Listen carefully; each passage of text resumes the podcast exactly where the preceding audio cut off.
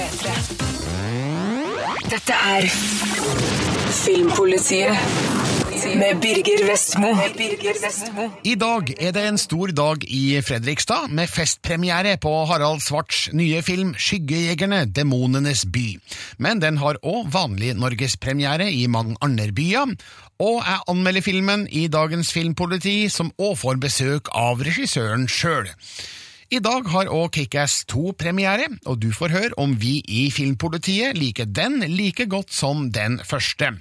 Og redaksjonen har testa flere spill under den pågående messa Gamescon i Tyskland. I dag skal du få vite hvilket som var det beste. Det her og mer til i Filmpolitiet i dag. Her er dagens første filmanmeldelse.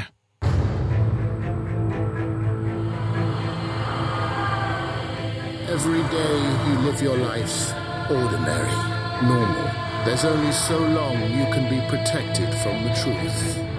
Ungdomsfilmer med fantasi og kjærlighet legges rutinemessig på hoggestabben, men jeg løfter ikke øksa denne gangen. Skyggejegerne, Demonenes by, er en strømlinjeforma og fantasifull eventyrfilm med Lily Collins som godkjent ungpikehelt. Filmens univers har du nok sett før. Her er Twilight kryssa med Harry Potter og kanskje litt The Hunger Games. Men det er for enkelt å avfeie filmen som en kopi. Underholdningsmessig er Skyggejegerne nemlig på høyde med de fleste andre eventyrfilmer for ungdom, fortalt med en profesjonalitet som virker betryggende fra første filmrute. Jeg liker filmen, mens fansen av boka den er basert på, altså målgruppa, sannsynligvis vil elske den. You must unlock your. Clary Frey, spilt av Lily Collins, er ei vanlig jente i New York, bare at hun sjølsagt ikke er det. Når hennes mor, spilt av Lena Headey, forsvinner under mystiske omstendigheter, legger hun ut på leiting sammen med kompisen Simon, spilt av Robert Sheehan. De finner Jace, spilt av Jamie Campbell Bower, som tar dem med inn i en ukjent verden av hekser, demoner, vampyrer og varulver. Det viser seg nemlig at Clary stammer fra en familie av demonbekjempende skyggejegere, akkurat som Jace, og hennes sinn skjuler blokkerte hemmeligheter som sterke krefter ønsker å avdekke. Half angel, half human. Beings of immense power. Harald Svart kaster ikke bort tid i denne filmen. Hele opplegget forklares på svært kort tid, der Clary og vi må absorbere en rekke fantastiske avsløringer. Handlinga lir kanskje av information overload, og mye kan oppfattes som tøv, men da tar man en film som det her altfor seriøst. Det her er helkommersiell eskapisme for tenåringsjenta, og sjøl om jeg åpenbart ikke hører til denne målgruppa, blir jeg underholdt av Skyggejegerne. De mindre vellykka elementene blir òg avvæpna av enkelte ironiseringer over sjangeren, noe filmen gjerne kunne hatt mer av. Det skyggejegerne har, som for eksempel Twilight ikke hadde etter min mening, er en helt som ikke sutrer seg gjennom hele historien. Clary er tøff, modig og pågående. Lily Collins har det man kaller screen presence, tilstedeværelse foran kamera, og jeg syns hun gjør en fin figur, men håper hun får vokst i oppfølgeren. Jamie Campbell Bower vil få pikehjerta til å banke med sin androgyne fremtoning, kanskje noen guttehjerter òg, og viser seg i tillegg som en habil sverdsvinger i filmens mange actionscener. Kjemien mellom Collins og Bower kunne nok imidlertid ha vært sterkere. Lena Headey, Jonathan Rhys-Myers og Jared Harris gir filmen nødvendig tyngde i minnerrolla, sjøl om de er utstyrt med filmens uheldigste dialog. Skyggejegerne Demonenes by er en habil film fra Harald Svart. Den har òg flere norske innslag. Veslemøy Ruud Svart er en av produsentene. Geir Hartley Andreassen har fotografert flotte bilder, mens Christian Skåning har designa tøff lyd. Filmens scenografi og visuelle effekter er òg kompetent utført. Er det noe som står i veien for storhet her, må det være Cassandra Clairs bok, men jeg forstår ønsket om å tekke fanbasen. Svart og co. har gjort det de kan ut ifra råmaterialet, og laga en film som sikkert vil ergre noen og fenge andre. Jeg tilhører for det meste den sistnevnte kategorien. Dette er Filmpolitiet på P3. Og nå, i studio i Fredrikstad, sitt selveste Harald Svart. Velkommen til Filmpolitiet, Harald. Ja, mange takk. Gratulerer med premiere. Takk. I kveld er det jo da øh, ikke bare norgespremiere, men festpremiere i din hjemby Fredrikstad. Eh, Hva skal skje der i kveld? Nei, det er jo blitt tradisjon, det nå. eh, Og nå er det jo blitt eh, svært populært, så nå, nå vil jo stjernene hit, da. Så det er jo det, sånn som Jonathan Reece Myers har ikke vært på noen andre premierer, han ville bare til Fredrikstad. Ja, Hvilke andre tar du med deg på den røde løperen i kveld? Eh, Der kommer Jamie Campbell Bower og Lily Collins og Robbie Sheehan. Og en fyr som heter Harald Svarta. Ja, riktig. Ja, Du er litt sånn lokalhelt i Fredrikstad, du? Ja, altså det, er, det er det som er litt deilig med Fredrikstad. De er ikke så veldig opptatt av det. Der, de sier sånn 'Der er han filmtypen', sier de, og så står til, og ja, og så er det bare Det er det som er litt deilig med å være her. Ja, eh, Så dagen i dag skal være en hyggelig, morsom og lykkelig dag. Eh, Men i oppkjøringa til premieren her nå, så har det jo vært litt sånn både og da fra anmeldere, spesielt i USA. Eh, Blir du sint og lei av sånt? Nei, jeg gjør i grunnen ikke det. Altså, eh, særlig etter Karate Kid, hvor jeg var veldig stolt av filmen, og det er jeg her også, så, så kjente jeg at jeg har egentlig ganske god rustning. Jeg, jeg, jeg leser det ikke, og så tenker jeg ja ja, eh, hva skal han gjøre? Altså, det er ikke, det er ikke viktig for deg hva, hva jeg eller andre anmeldere i hele tatt eh, syns om det du har gjort? Ja, altså, jeg må jo si at eh, hva du syns, har faktisk en stor betydning. Eh, og, det er litt sånn det er, eh, at man er jo litt opptatt av hva man syns på hjemmebane. Så, så din anmeldelse tar jeg alltid, den legger jeg merke til. Vet du, Det sitatet skal jeg klippe ut, og så skal jeg bruke det i en reklame for Filmpolitiet. Ja, det må du gjerne gjøre. Men altså, min teori er jo da, som jeg var inne på i anmeldelsen, at um, Skyggejegerne tilhører en kategori innen film som man kritikere liker å slakte, fordi at det er enkelt å gjøre det. Hva tenker du? Tja, det, det kan jo hende. Det, det som var viktig for meg, var jo å høre hva fansene syns. Eh, og det var da jeg var i grunn mest letta, når jeg eh, viste filmen for de, de mest hardcore fans. Som alle syntes at det var en fantastisk film, og at de syntes at boken var godt bevart, men at den var også en ny vri på boken. da. Så de som ikke har lest boken, syns også det er en, en bra film. Ja, Du må gå en sånn balansegang der, fordi fansen av bøkene som filmen er basert på, er vel eh, både de enkleste å glede, men også de vanskeligste. Ja, det er vel en god beskrivelse, ja. Ja. Uh, har du tenkt mye på det mens du har laga filmen? Nei, det har jeg ikke gjort. Uh, Og det har vært en ganske intim uh, arbeidsprosess hvor jeg har jobbet tett med Cassandra Clare da, for å være sikker på at, at jeg ikke gjorde noen feil med hensyn til de neste filmene og sånn. Men eh, det har i grunnen vært en veldig sånn befriende eh, prosess hvor, hvor jeg har fått lov til å, å jobbe tett med produsenter og skuespillere og sånn, og vi har laget filmen uten å hele tiden måtte måle hva fansene syns. Fordi det er jo en, er en gammel sånn teori fra, som, en, eh, som Pål Sparre Enger lærte meg, som en gammel rev i reklamebransjen, at du må jo ikke gi folk det de vil ha, de fortjener så mye bedre. Ja, det er en god læreregel det der. Men når du har jobba sammen med Cassandra Clare, altså forfatteren av Skyggejegerne-bøkene, eh, du blir ikke da liksom bundet opp til hennes ønsker og hennes eh, beskrivelse av eh, universet og figurene osv.? Nei, eh, jeg, hun er veldig flink til å skjønne at uh, nå er det filmskaperen som tar over, Uh, og had, hun, var, hun satte seg godt i baksetet der, så, så jeg har brukt henne som en ressurs, jeg, hadde henne på min Min sånn der, hva heter det for noe, speed dial. Så jeg sto på settet jeg, en dag, og så hadde, var det et ord jeg hadde glemt, og så ringte jeg henne, og da tror jeg hun var i Paris, så da vekte jeg henne midt på natten. Og da sto hele staben og ventet til jeg hadde fått svar, og så sa jeg ok, det er akkurat sånn det ordet. Fordi også, Man må huske på at det er masse tøft i den boken også, og det er jo en grunn til at hun har solgt 22 millioner bøker. Eh, og at det er liksom skrikende fans overalt. Nå har vi vært på turné i LA, Toronto, London, Berlin, det er Madrid i dag. Og overalt så står det altså tusenvis av fans og skriker og hyler. Og, og det kan man ikke fornekte som Det må jo være et fenomen som det er lurt å ta vare på. Høres ikke helt eh, dumt ut det, Harald Svart.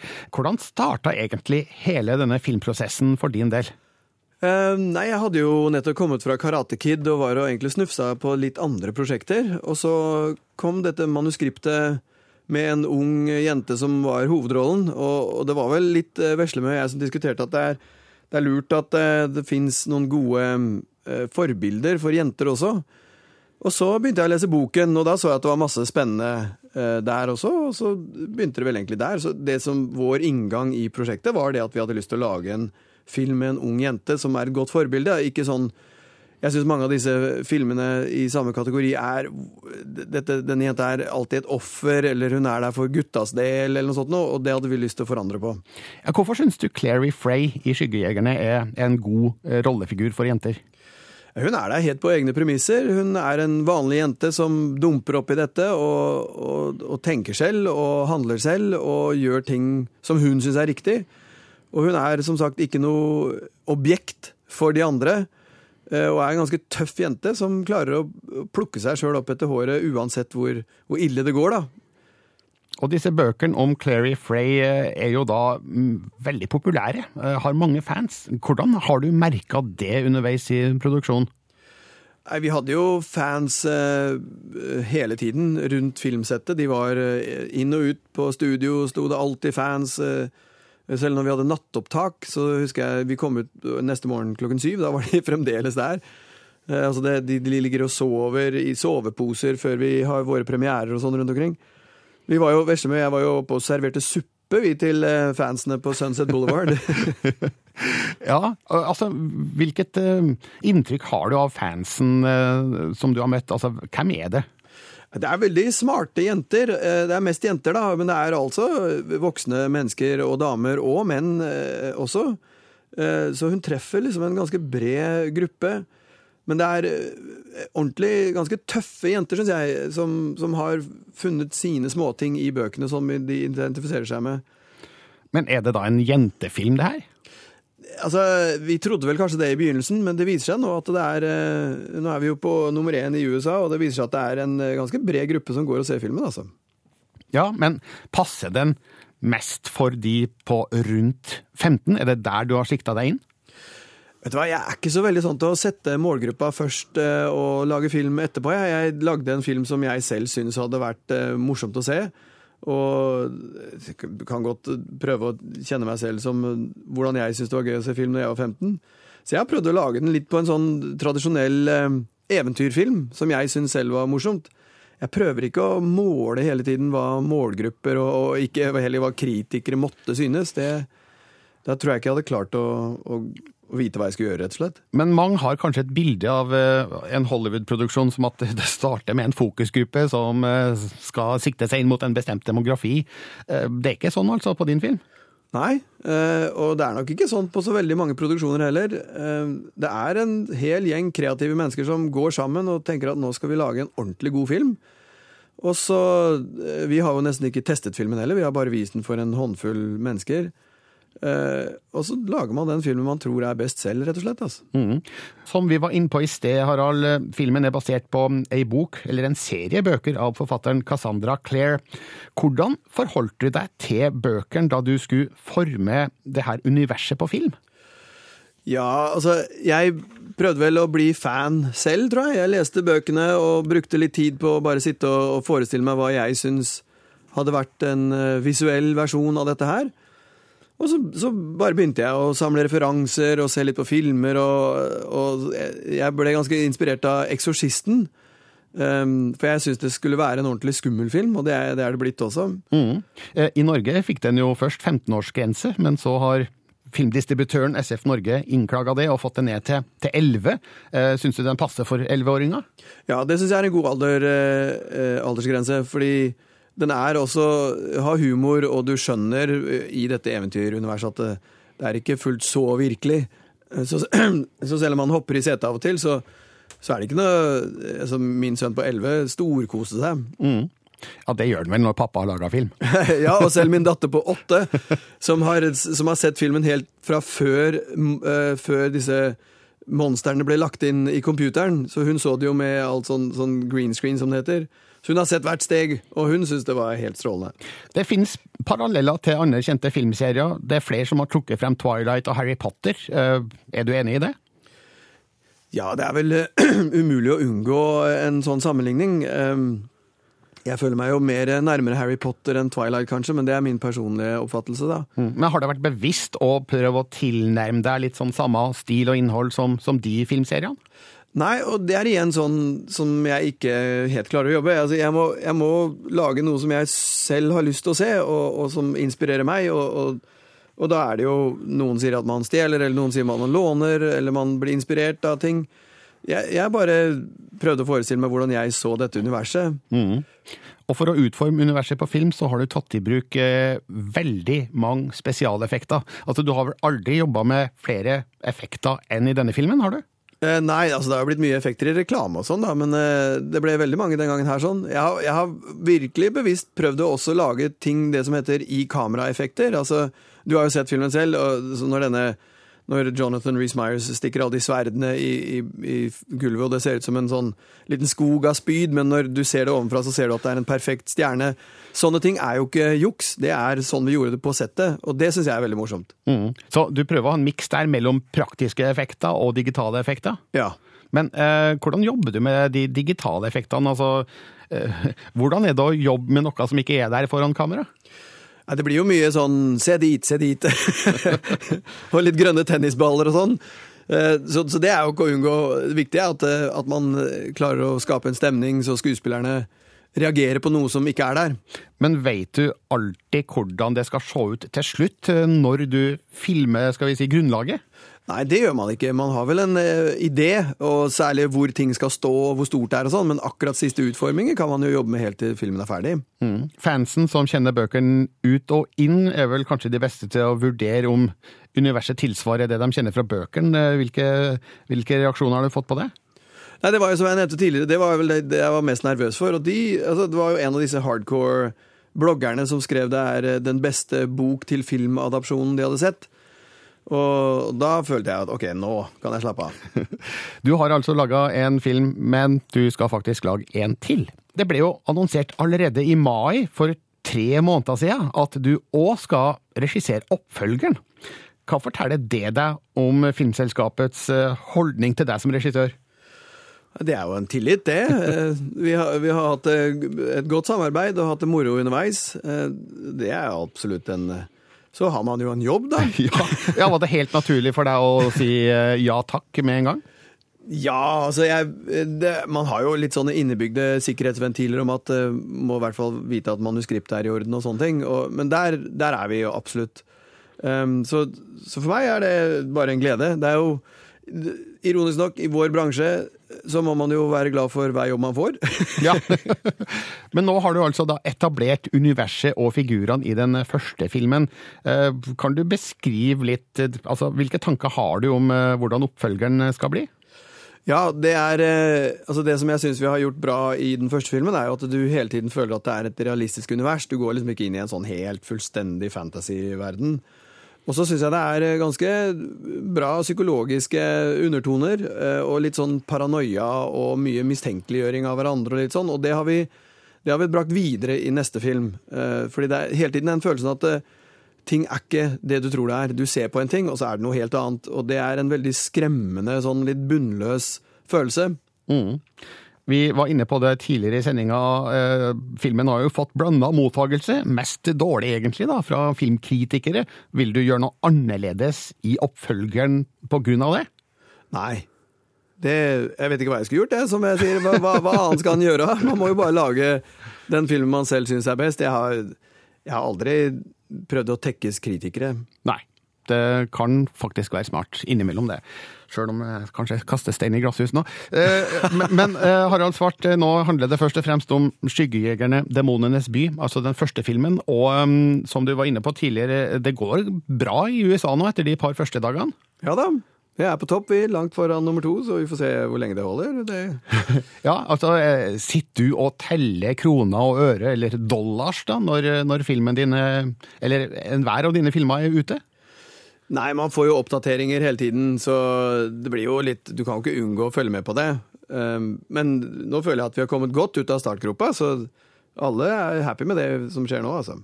Og det er jo over hele verden nå, så vi er nummer én rundt omkring i hele verden. Ja. Du, jeg kom til å tenke på det. Det er jo eh, ja, rundt 15 år siden du, eh, du slo igjennom i Norge med, med Hamilton, stemmer ikke det? Er det blitt så lenge? Ja, var, det ikke, var, det ikke 98? 1998? Ja, det var vel da vi lagde den. 99 Ja, det, Ja. Du det må du nesten sjekke, det husker jeg ikke lenger. okay. Men eh, i hvert fall, eh, den guttedrømmen du hadde en gang som filmskaper, altså, har den gått i oppfyllelse nå, eller? Ja, det har den jo gjort flere ganger. Altså, det man må huske på er at hvis du har en lidenskap til å lage film, og du får lov til å lage film, Altså det å stå på settet, og det å få At man har eh, til mat på bordet, og du får lov til å reise verden rundt med familien din det, det kan jo vært Jeg kan ikke klage på det. Det er jo en drøm uansett. Og det skal du fortsette med enda en del år. Ja, jeg regner med det. jeg, kan, jeg kan ikke så mye annet. Nei, det, men det, det er jo bra å kunne dette, for å si det sånn. sånn. Ja. Eh, Men først, nå i kveld altså, Harald Svart, skal du feire den norske premieren og Fredrikstad-premieren, får jeg si, med, med fest og rød løper og, og hele pakka. Ja, da kommer altså alle gjestene, og da er det lov å komme ned og se på ståheien eh, på rød løper, og de, disse eh, skuespillerne er veldig glad i å, å treffe fans og skrive autografer og ta bilder og sånn, så, så det blir full mulighet til å komme og møte dem alle sammen. Ja, og da det er Lily Collins, Jamie Campbell Bower, Jonathan Riss Myers og du. Og Robbie Sheehan, ja. Og Robbie Sheehan, ikke minst, ja. Ja. Og det er klokka åtte cirka i Fredrikstad i kveld. Ja, så Hvis man er der fra syv, så er du sikker på å få en god plass. Ja, ok.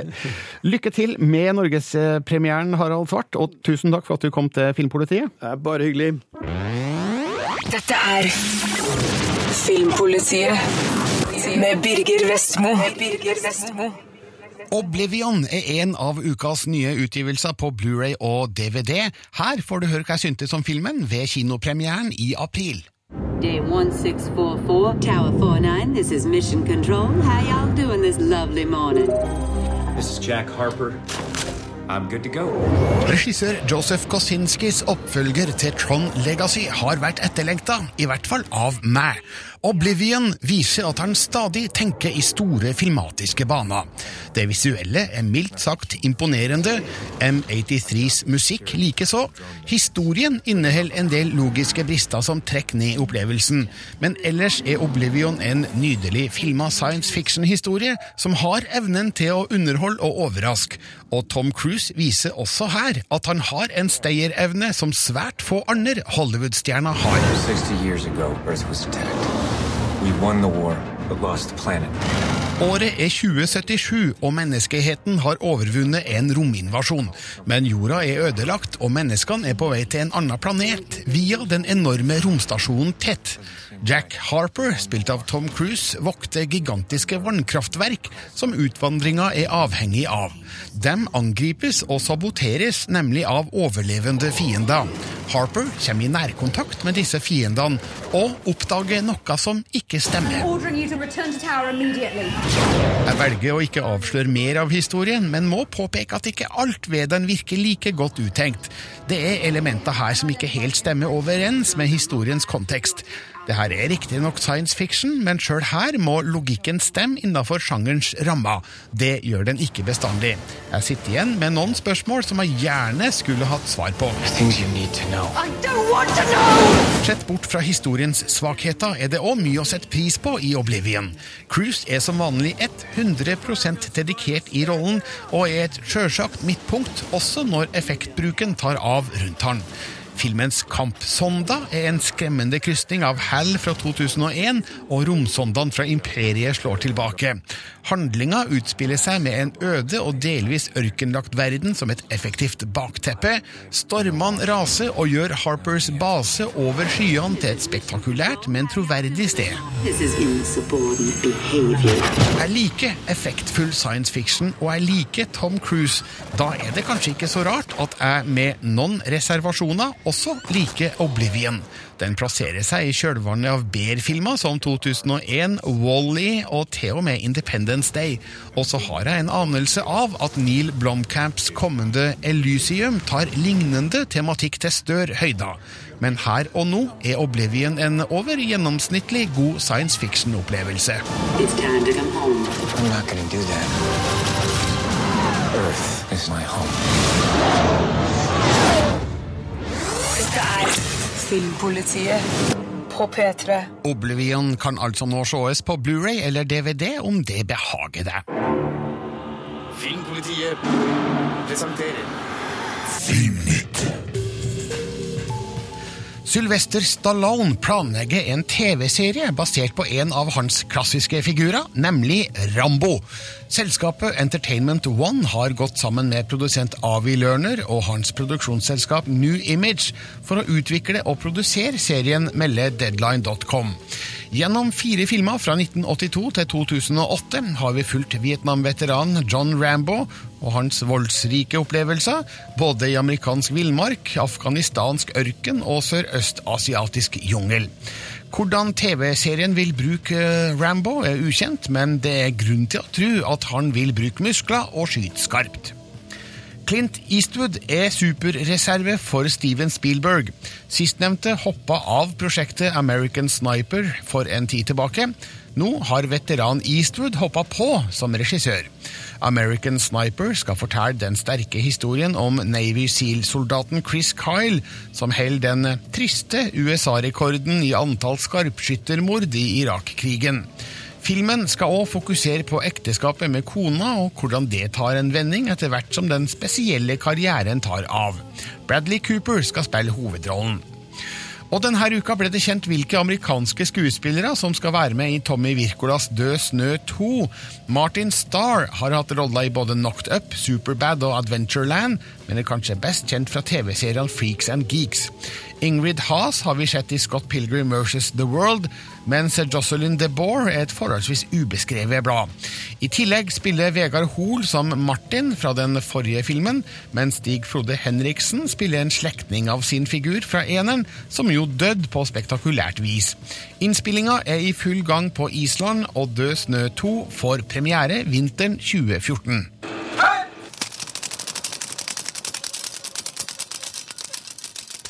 Kick-Ass 2 har norgespremiere i dag og blir anmeldt av Andreas Hatzel Opsvik.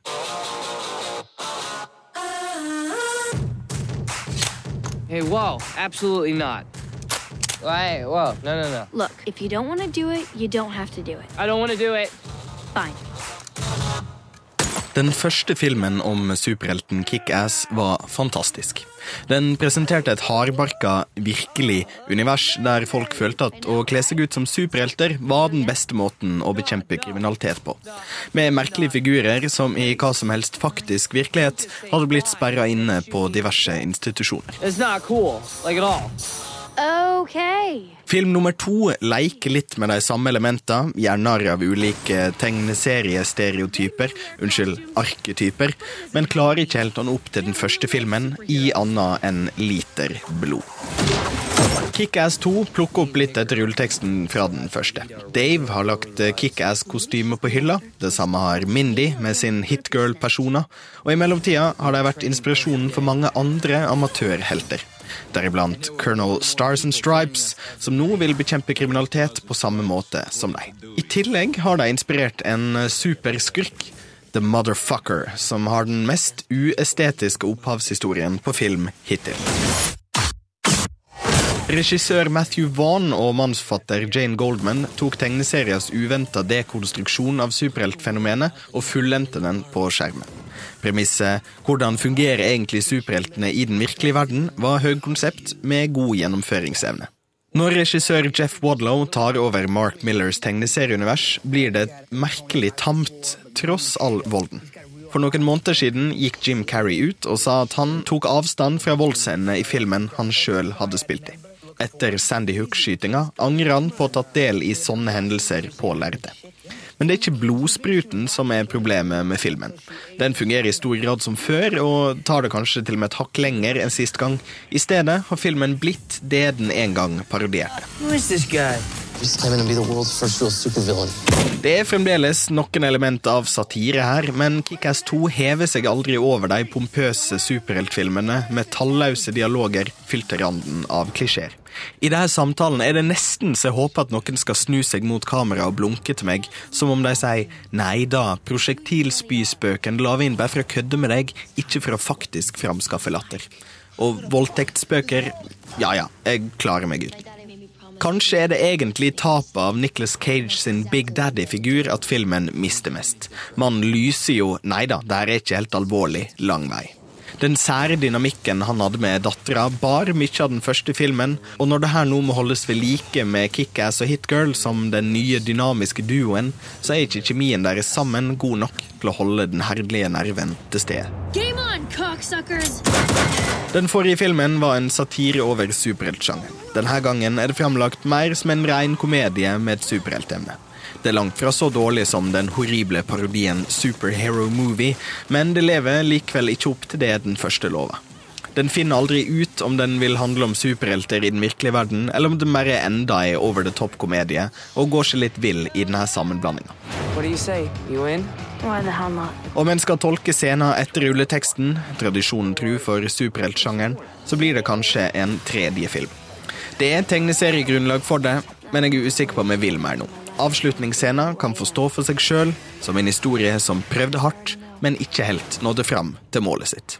I'm hit girl. Dette er Filmpolitiet på P3. Det var Andreas Hatzel Opsviks anmeldelse av Kickass 2, som dessverre da ikke lever opp til eneren, og det er synd. Men du kan lese og se og høre anmeldelsen om igjen på p3.no filmpolitiet.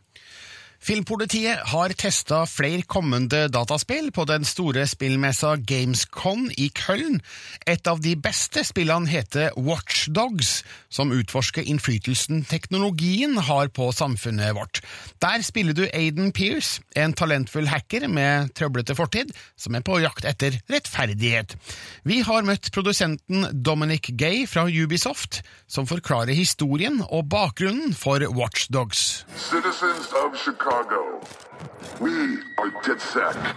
You have heard enough lies. It is time to hear the truth. You can be hacked. Someone is inside the network. We have seen him. So in Watch Dogs, you play as Aiden Pierce in an open world city of Chicago. And Aiden Pierce is a powerful hacker who's going to be able to hack into all the systems and all the people within the city of Chicago. And you're on a quest for vengeance, and eventually you'll become a full blown vigilante, inflicting your own justice within the city. Are you in trouble? No, I'm not. So we have a big, you know, full-blown uh, open-world single-player adventure. But one of the things that we wanted to do was to have player cross-path within that adventure. So you know, when we play multiplayer, we're used to going through lobbies and you know going into arenas to play specific modes. In Watch Dogs, you don't get any loading, and you just jump directly into someone else's game, and you get a contract, a mission, to maybe hack into him. That's probably what you played there and someone can come into your game also, and they look like any other civilian within the city. So it creates a sense of paranoia. You never know if it's an AI or if it's another player. And the goal there is to try and install viruses, virtual viruses on other player, and build uh, your, your network of people that you've put a virus into to become the most powerful hacker in Watch Dogs. The virus is still doing damage. Shut it down. Basically, Aiden uh, is able to hack any device, anything almost running on a computer within the city. You can just access and control. So you can hack into people to find information, but you can also control the systems in the city. So drawbridges. Uh, we showed here also steam pipes, the, the steams that dis- that heats the buildings. You can hack into, create explosions. So there's uh, many systems like that within the city, and Aiden is able to extend his power over them and use them in different ways to achieve his goal. But can always mix it up with his ability to shoot to sneak around and to drive. So it's that ability to mix hacking with action that is very specific to Watch Dogs. Suspect is in a vehicle and attempting to flee. One thing that we wanted to do was to base our hacking abilities on real world system and real world hacks. So we actually have full time people doing research for the team, for our designers, looking at what's possible out there, and it's a little bit scary. And we've been working on the game since 2009, and every week we're seeing new forms of hacking, new ways that uh, systems were being abused. And that inspired not only the powers that Aiden has over the city, but also some of the side missions and the main missions and what you can do in them. Uh, but the reality is, in the past uh, last months, even now that all our missions are pretty much completed, uh, we're seeing a lot of new storylines happening in the news that are inspiring us for more missions. So I think it's a subject that we can continue exploring for a while if we want. Now is the time to wake up.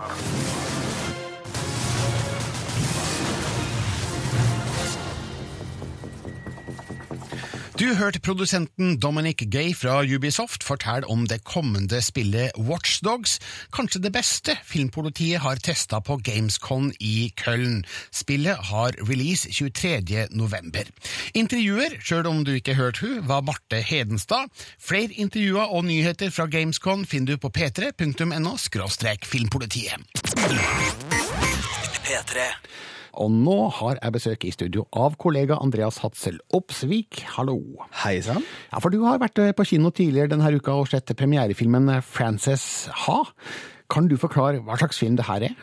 Altså, veldig enkelt, det- er veldig lett å sammenligne den her med, med tidligere filmer, annet Woody Allens Manhattan og, og HBO-serien Girls, som eh, går på diverse TV-kanaler nå for tida. Og det den, Hvis vi skal snakke om den her, så er det på en måte veldig lett å vise til deg, men jeg syns kanskje det er best å, å si noe om hvorfor jeg syns denne filmen er så bra. Ja, ja få høre. Hvor, hvor- hvorfor er Frances Ha så bra? Nei, den, er, den handler da om Frances, som er litt som igjen, da, som i Girls. Eh, den derre eh, 20-somethings, altså 20-åringene som er ferdig med utdannelse og har eh, ikke helt klart å etablere seg, kanskje ikke blitt helt voksne ennå. Og det er all den der sånn humoren og, og trivialiteten i hverdagen da, eh, oppi da, eh, den her tilstanden som Frances, hovedpersonen, er. Mm. Kjenner du deg igjen på noe vis i Frances Ha? Absolutt. Eh, Det er, det, det er sånn Det er litt sånn sjølbevisst hipsterfilm, vil nok mange peke på den og si, men jeg syns at den her, den her hverdagshumoren og måten som Frances da takler alle de problemene på, og, og bare det der eh, som en sjøl som student husker, å reise tilbake til foreldra i, eh, rundt juletider, for eksempel, og bare hvordan det er en litt sånn frihavn fra resten av verden, Mm. eh, er noe som jeg absolutt kjenner meg igjen i, og som jeg syns fungerer veldig bra da, i den her. Den er kanskje mer komedie enn det eh, noen av eh, regissør Noah Baumbach sine filmer har vært tidligere, men eh, ja, det, det er flott, altså. Det er kjempeflott. Du sammenligna den med Woody Allen. Er dette en sånn film han kunne ha funnet på å lage hvis han var 30 i dag? Ja, hvis han var 30, og kanskje hvis han var kvinne, eh, så ville han kanskje ha lagd den. Men eh, det, han, han, han eh, Baumbach og da Greta Gerwig, som har eh, skrevet filmen sammen, har da klart å produsere en sånn eh, en, en film som jeg syns fanger da denne tidsånden veldig bra. Akkurat på samme måte som for eksempel Girls klarer. Men du, eh, Frances Ha er filma i sort-hvitt. Er ikke det litt sånn pretensiøst i 2013?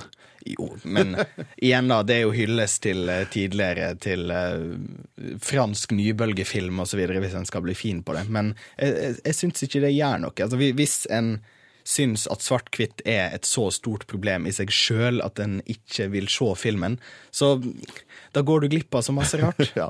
Og den passer jo godt nå, fordi i forrige uke hadde vi jo premiere på den tyske filmen Oh Boy, som også er filma i sort-hvitt, og som òg handler om en ung person, en mann i det her tilfellet, som ikke har helt retning på, på livet sitt. Og mm, jeg vil også sammenligne den med, med Woody Allen, så Woody Allen er litt sånn i skuddet nå, eller? Woody Allen er i skuddet, og, og kanskje òg spesielt sånn unge mennesker som ikke helt veit hva de skal gjøre med livet sitt, tror jeg er veldig i skuddet for tida. Takk skal du ha, Andreas Satzel Opsvik. Anmeldelsen av Frances Ha finner du i tekstversjon på p3.no filmpolitiet til terningkast, Andreas. Terningkast fem fra meg.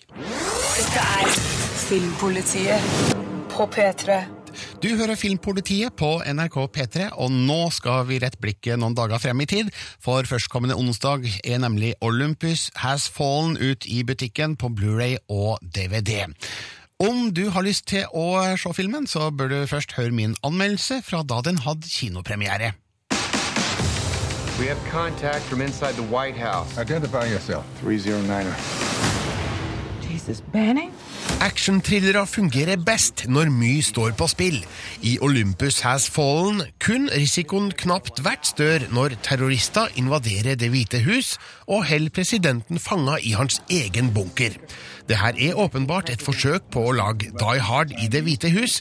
Det er kanskje ikke særlig originalt å beskrive det slik, men så er det heller ikke særlig originalt å lage film etter Die Hard-oppskrift.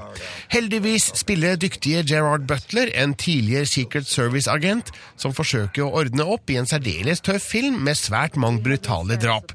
Regissør Antoine Fuqua går hardt til verks og lykkes med mye, men begår én vesentlig feil. Han har glemt faktoren som gjorde Die Hard til en klassiker, nemlig den avvæpnende humoren. Mustang, Top. Filmen åpner med å vise det gode forholdet mellom Secret Service-agenten Banning, spilt av Gerard Butler, og presidenten, spilt av Aaron Eckhart, og hvordan Banning blir forflytta mot sin vilje etter en ulykke. Men når nordkoreanske terrorister invaderer Det hvite hus med Secret Service gode navn Olympus, henger han seg på og er plutselig den eneste vennligsinna på innsida. Han bruker sin kunnskap om bygningen til å forsøke å redde presidenten, samtidig som han må finne ut hva terroristen Kang, spilt av Rick Yoon, egentlig pønsker på. Filmens troverdighetsnivå kan synes å være noe lav. Er det f.eks. mulig for et fiendtlig militærfly å komme seg helt inn til Det hvite hus i Washington og skyte vilt rundt seg uten særlig motstand? Vel, om kapra fly greide å treffe tre bygninger helt uforstyrra på 9-11, inkludert Pentagon, så antar jeg at alt egentlig er mulig. Deretter skildres invasjonen i knallhard detalj. Her spares det ikke på noe av våpenbruk, eksplosjoner og blodsprutende mannefall. Og sjøl om det er rent filmatisk, er sjokkerende og meddrivende, gjør det meg òg litt nummen og apatisk. Seinere i filmen blir det mye sniking, skyting og tøffe én-mot-én-kamper i ulike fløyer av Det hvite hus, men ingenting som matcher innledninga. We're talking about the safety of the President of the United States. We're talking about a hell of a lot more than that, sir. Gerard Butler er troverdig som farlig filmagent med sin imponerende fysikk, blåkalde øyne og baritonrøst. Jeg tror han virkelig kan hamle opp med et kobbel terrorister på egen hånd. Det eneste han mangler, som jeg allerede har vært inne på, er humor og sjølironi. Banning er forbausende endimensjonal, og figuren tilfører historien lite utover å være det godes redskap. Tankene går ubønnhørlig tilbake til Die Hard, den komplette actionfilmen som alle andre må tåle å bli sammenligna med, en prosess de er dømt til å tape. Open the gates of. Yes. Olympus Has Fallen er en tøff thriller med mange kvaliteter som vil tale til actionfans. Etter hvert som handlinga skrir frem, blir det likevel stadig klarere at manuset, signert Crichton Rothenberger og Catherine Benedict, inneholder relativt mange latterligheter og baserer seg på en virkelig verdenssituasjon på en måte som kan fortone seg noe smakløs. Og den avsluttes med en patriotisk tale som ville ha gjort sjøl Bill Pullman flau i Independence Day. Det kan altså lønne seg å koble ut virkelighetsforståelsen før man ser Olympus Has Fallen. Den fungerer nemlig godt som hodeløs og tanketom action. The United States of America doesn't negotiate with terrorists. Who said anything about negotiating?